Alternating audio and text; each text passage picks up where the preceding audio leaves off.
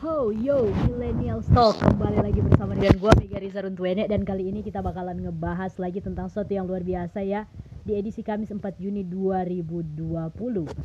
Nah, kita bakalan ngebahas tentang mempengaruhi atau dipengaruhi. Jadi gue ngangkat temanya mempengaruhi atau dipengaruhi. Kenapa gue ngangkat tema ini? Karena di dalam kehidupan ini senantiasa kita cuman akan menjalani dua hal ketika kita terjun kita bergaul dengan masyarakat di sekitar kita, kita bergaul dengan tetangga, kita bergaul, pokoknya kita bermasyarakat, ataupun di mana pun saja kita berada, misalnya di dunia pendidikan, di mana pun itu, kita cuma punya dua pilihan sebenarnya, dipengaruhi atau mempengaruhi. Seperti itu. Nah, di sini gue pengen pengen membahas tentang um, bagaimana kita bisa dipengaruhi dulu ya, dipengaruhi gitu. Kita bisa dipengaruhi apabila kita mengikuti sesuatu um, yang tidak sesuai dengan kata hati kita. Dan kita kita dipengaruhi dengan hal-hal yang um, misalnya um, tidak sesuai dengan nurani kita. Misalnya um, sesuatu yang destruktif sesuatu yang tidak sesuai dengan norma-norma kita sesuatu yang tidak sesuai dengan kelas iman kita. Pokoknya segala sesuatu yang tidak berkaitan dengan kata hati yang tidak sesuai dengan kata hati kita kemudian ketika kita terjun di masyarakat dan kita dipengaruhi. Dan kita ngikut-ngikut aja supaya kita diterima supaya kita sama artinya kita dipengaruhi seperti itu. Tetapi beda ceritanya kalau misalnya kita mempengaruhi. Jadi kita mempengaruhi itu dengan cara apa? Kita mampu mengekspresikan tujuan kita, kita mampu mengekspresikan cara-cara kita, kita mampu mengekspresikan isi pikiran kita, tindakan kita, bahkan perkataan kita kepada orang lain dan orang lain itu mengikuti kita karena sesuatu yang kita tonjolkan, yang kita pikirkan, sesuatu yang kita ungkapkan, sesuatu yang kita contohkan, sesuatu yang kita um, sampaikan ke orang-orang itu um, benar-benar bisa diikuti gitu atau menjadi satu teladan yang baik. Dianggap orang itu kita bisa jadi sebagai panutan panutan yang baik. Nah maka kita diikuti. Nah akhirnya sesuai dengan kata hati kita. Jadi kita mempengaruhi orang ketika kita kata hati kita pemikiran kita tindakan kita yang baik itu bisa dicontoh oleh orang-orang. Seperti itu ya. Jadi beda ya. Mempengaruhi atau dipengaruhi. Jadi di dalam lingkungan kita. Nah orang-orang untuk untuk dipengaruhi itu sebenarnya mudah sekali. Mudah sekali untuk dipengaruhi. Kenapa? Karena orang yang mudah dipengaruhi itu adalah tipe orang yang tidak memiliki jati diri seperti itu. Jadi orang yang gue katakan seperti ini ya, misalnya lu jati diri nggak punya jati diri itu maksudnya apa? Dia belum menemukan prinsip-prinsip dan tidak kurang berani untuk menegaskan prinsip-prinsip itu. Seperti ini contoh mis misalnya orang yang mudah dipengaruhi itu adalah orang yang melawan sendiri kata-kata hatinya supaya bisa sama dengan lingkungan sekitar. Walaupun misalnya dia tahu hal itu misalnya keliru gitu. Misalnya contoh, misalnya dalam lingkungan pergaulan, misalnya di lingkungan sekolah, misalnya kan, um, lu nggak merokok, misalnya lu anak laki-laki misalnya nggak merokok, dari rumah bapak nggak ngerokok, kakak-kakak juga nggak ngerokok, semuanya nggak ada yang ngerokok di rumah tiba-tiba ketika lo bergaul di sekolahan sama teman-teman geng lu ya tiba-tiba teman-teman geng lu semua ngerokok dan lu merasa disisikan karena lu nggak ngerokok. Dibilang bencong dibilang apalah seperti itu. Nah sedangkan di rumah orang tua lu bilang kayak begini e, merokok itu jangan ya itu nggak baik buat kesehatan bisa kena kanker paru-paru. Bahkan di lu juga udah baca kan di rokoknya sendiri udah bilang merokok dapat menyebabkan kanker serangan jantung hipotensi gangguan kehamilan dan janin. Nah udah foto-foto yang mengerikan juga kan. Nah lu udah tahu bahwa merokok itu salah gitu gitu kan tapi karena teman-teman lu bilang ah lu bencong sih lu. Tapi dalam kata-kata lu duh salah nih gue gini. Tapi karena ingin ngikut teman ingin sama dengan teman ingin diterima di pergaulan akhirnya lu ngerokok bareng-bareng teman-teman. Nah itu artinya um, lu ngelawan kata hati di situlah ketika lu ngelawan kata hati dan lu ngikut untuk ngulung um, ngelawan kata hati untuk ngikut sesuatu yang keliru di lingkungan lu itu artinya lu dipengaruhi. Oke itu seperti itu ya tetapi orang-orang yang belum mempunyai jati diri, belum mempunyai jati diri itu apa? Orang yang berani untuk mengabaikan kata hati hanya untuk sama, hanya untuk sama dengan orang lain, hanya untuk ikut sama orang lain gitu. Nah, bagaimana supaya lu jadi mempengaruhi seperti itu? Gimana supaya lu bisa ngikut kata hati dan orang lain ngikut lu gitu seperti itu. Nah, itu yang gue sebut dengan mempengaruhi. Nah, mempengaruhi ini nggak gampang. Lu harus memiliki satu sesuatu yang disebut dengan karakter, karakter yang kuat. Nah, karakter yang kuat itu harus benar-benar lu bangun. Dari apa? Dari pertama, lu harus tanamkan dalam diri lu bahwa nilai-nilai yang ada di dalam keluarga, nilai-nilai baik yang ada di dalam keluarga, kemudian nilai-nilai religius yang udah lu dapat, kemudian norma-norma masyarakat, itu adalah satu pegangan yang paling kokoh buat lu gitu.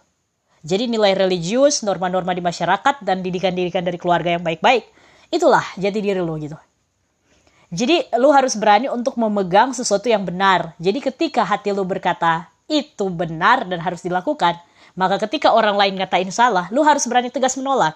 Orang yang mempengaruhi adalah dia berani tegas menolak untuk menegakkan kata hati sendiri. Jadi seperti ini misalnya lu nggak suka lu tahu merokok itu bisa menyebabkan sakit penyakit gitu. Oke, lu tahu merokok. Nah, akhirnya ketika teman-teman semua merokok dan mereka ngajakin lu ngerokok, lu harus berani tegas. Enggak, kalian boleh ngerokok, tapi gua enggak. Seperti itu. Jadi lu bilang dong, itu hak kita masing-masing gitu. Jadi lu boleh ngerokok ya, gua ya terserah gua dong mau ngerokok atau enggak. Jadi lu harus berani menolak lah. Seperti itu ya, untuk sesuatu yang tidak benar. Seperti itu. Terus kemudian kalau misalkan lu lagi barusan, misalnya baru lulus kuliah ya, terus dapat satu tempat pekerjaan yang bagus Nah, suatu ketika lu bersama teman-teman lu, jadi kira-kira lu misalnya ada yang bersekongkol misalnya untuk misalnya ngejatuhin orang, contoh misalnya di tempat kerja. Teman-teman lu udah bersekongkol untuk ngejatuhin orang, udah cerita-cerita misalnya yang buruk tentang orang yang ingin mereka jatuhin gitu.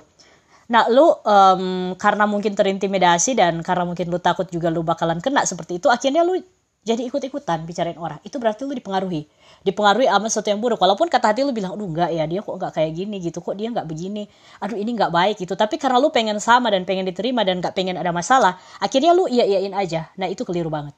Jadi um, lu harus berani untuk menegakkan sesuatu keadilan dan kebenaran sesuai dengan kata hati. Seperti itu. Entah semua orang akan menentang lo itu nggak masalah sih. Yang penting itu identitas lo itu identitas yang berasal dari dalam diri lo sendiri gitu. Jadi kerasa mempengaruhi itu sebenarnya ketika lo meyakini sesuatu yang benar di dalam hati dan pikiran lo, sekalipun orang lain mengatakan itu salah, sekalipun lo harus ditolak karena satu kebenaran, itu adalah identitas. Dan seperti itulah cara pemimpin di dunia ini mempengaruhi orang dengan cara-cara yang baik. Jadi mari millennials jadilah orang yang berpengaruh dengan cara apa? Dengan cara berani menegakkan kata hati yang benar. Jadi um, kata hati nurani kita itu nggak mungkin salah. Iya benar satu-satunya yang paling jujur dalam diri kita itu hati nurani kita gitu. Jadi jangan sekali-sekali jati diri kita itu sebenarnya ada di dalam hati nurani kita. Jadi ketika kita mengambil satu tindakan, terus hati nurani kita bilang, misalnya, tunggu ya, gue mau share dulu. Tunggu, gue mau share dulu, nggak lama ya. Jadi kalau misalkan kita misalkan mau ngambil satu tindakan, terus hati nurani kita nolak gitu. Jangan sekali-sekali kita kita um, kita ngikutin gitu. Um, kita jangan sekali kita hati nurani udah nolak dan kita um, lawan hati nurani jangan seperti itu. Jadi orang-orang yang berpengaruh di dunia ini mereka punya prinsip-prinsip dan prinsip-prinsip itu begitu kuatnya sampai mereka percaya itu adalah jati diri. Jati diri seseorang adalah ketika dia berani menolak sesuatu yang tidak sesuai dengan hati nurani sekalipun dia harus bertentangan dengan seluruh dunia. Seperti itu itu adalah seorang seseorang yang um, bisa bisa mempengaruhi, bisa dan hi, seorang history maker, seorang pencetak-pencetak sejarah di dunia ini, semuanya mereka yang memiliki jati diri, mereka yang berani menolak untuk sesuatu yang keliru dan mereka yang berani bertindak beda. Ketika satu juta orang memiliki bertindak sama, seorang pembuat sejarah itu, seorang pemimpin atau pembuat sejarah, mereka berani bertindak beda dari satu juta orang tersebut. Jadi jangan so jangan pernah ragu untuk mengikuti kata hati lu yang baik, Jangan pernah ragu untuk memiliki jati diri yang baik dan jangan pernah ragu untuk mempengaruhi dengan hal-hal yang baik. Karena ketika keburukan itu terjadi dan ketika semua orang menjadi sama, misalnya sama-sama buruknya semua orang, lu jangan pernah masuk di dalam satu jeratan. Karena kalau lu menjadi sama, berarti artinya apa? Lu dipengaruhi dong. Kalau lu menjadi sama, lu berarti dipengaruhi. Nah, orang yang bisa mempengaruhi itu adalah orang yang orang yang luar biasa orang yang bisa mempengaruhi itu adalah orang yang luar biasa. Jadi jadilah orang yang selalu memiliki pengaruh dalam hidup lu ya. Walaupun kemungkinan besar lu bakalan ditolak, so kenapa nggak apa-apa. Yang penting lu punya jati diri yang baik, lu memberikan pengaruh-pengaruh yang baik, dan pengaruh yang baik itu harus senantiasa dilihat oleh banyak orang. Nah, selamat mempengaruhi dan jadilah seorang pemimpin dan pencetak sejarah yang baik. Pengaruhilah sekitarmu, pengaruhilah sekelilingmu, pengaruhilah negara ini, pengaruhilah dunia dengan pemikiran-pemikiran yang baik dan segala sesuatu yang berbau positif. Semoga kita senantiasa diciptakan. Gue ya yakin sih, semua orang di dunia ini punya kesempatan yang sama untuk mempengaruhi, menjadi pemimpin dan menjadi pencetak sejarah. Kalau mereka bisa, kenapa lu dan gue enggak? Iya kan? Oke, semangat semua. Salam millennials dan sampai kita bertemu lagi di Millennials Talk episode selanjutnya. Bye bye. thank you ya udah ngedengerin podcast podcast gue episode selanjutnya gue bakalan ngebahas tentang sesuatu yang lebih gokil lagi yang lebih luar biasa lagi terima kasih yang udah ngedengerin ya